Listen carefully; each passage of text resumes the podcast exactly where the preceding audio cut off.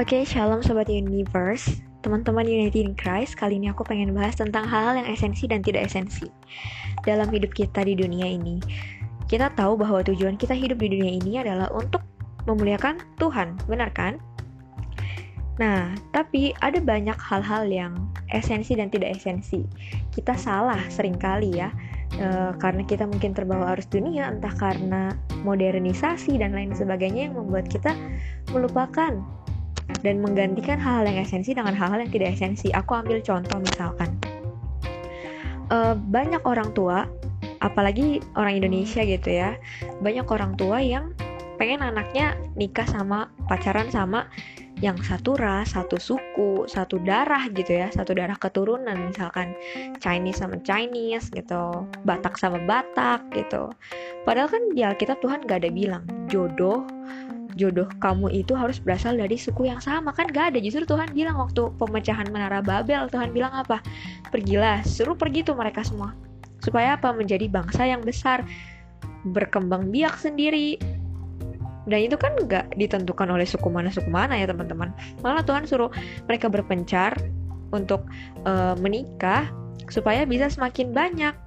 Gak cuman harus satu suku doang gak cuma di satu suku itu doang teman-teman dan Tuhan juga nggak suka ada namanya perbedaan. Apalagi orang tua sekarang tuh kebanyakan ya kalau aku lihat uh, baik itu orang tuaku maupun teman-temanku sendiri aku lihat juga teman-teman kalau orang tua mereka itu pengennya ngeliat uangnya dulu. Apalagi cewek-cewek. Kebanyakan orang tua sekarang itu uh, istilah kata kasarnya ya menjual anak perempuan mereka kepada laki-laki yang lebih kaya.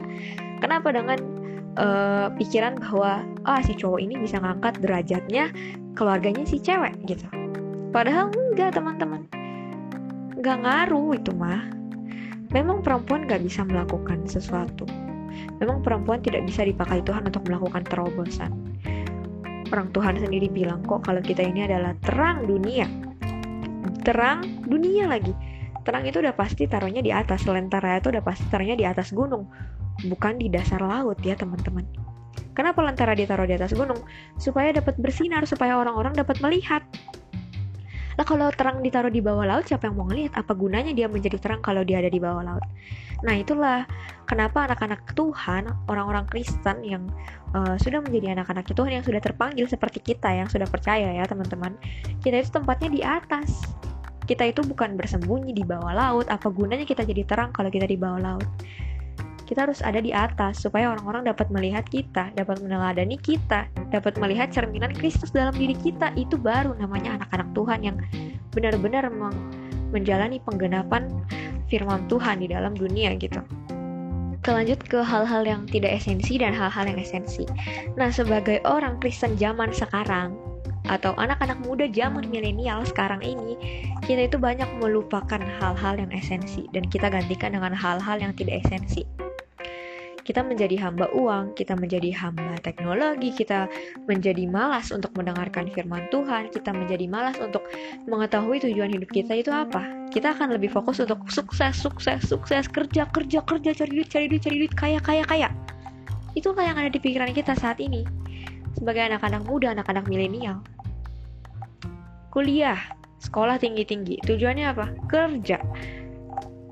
Sampai mati-matian kuliah kerja kuliah kerja kuliah kerja kerja. Kerja dapat duit untuk apa? Supaya kaya supaya kaya biar apa? Biar nggak dianggap rendah sama orang-orang.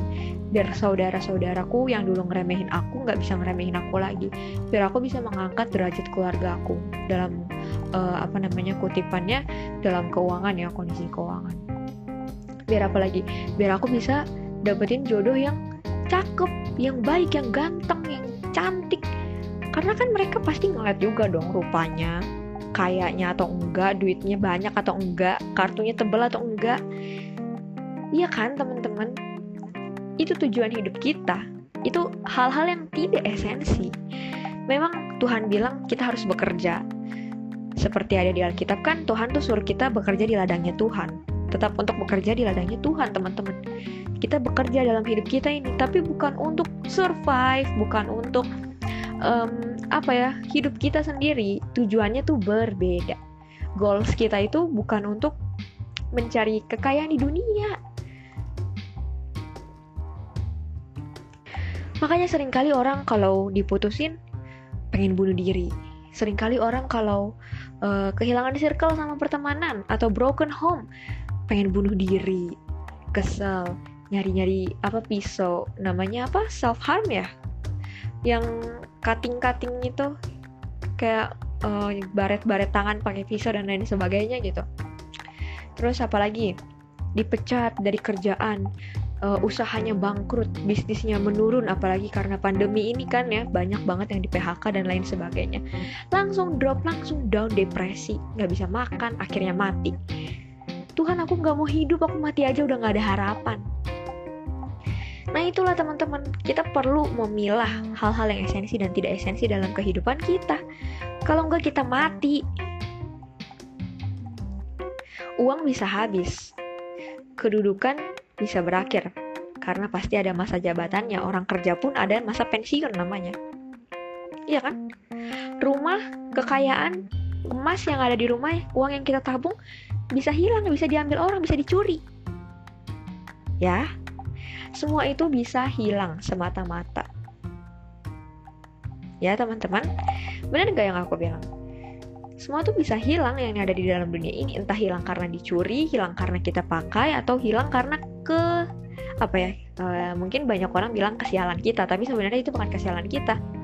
Itu rencana yang memang sudah Tuhan rencanakan. Mungkin untuk mendidik kita supaya kita sadar dan membuka mata kita akan Tuhan lebar-lebar gitu. Hey Sylvie aku ini Tuhanmu jangan kau sembah itu uang jangan pusing kau kalau misalkan eh, nggak uh, punya uang belum punya kerjaan.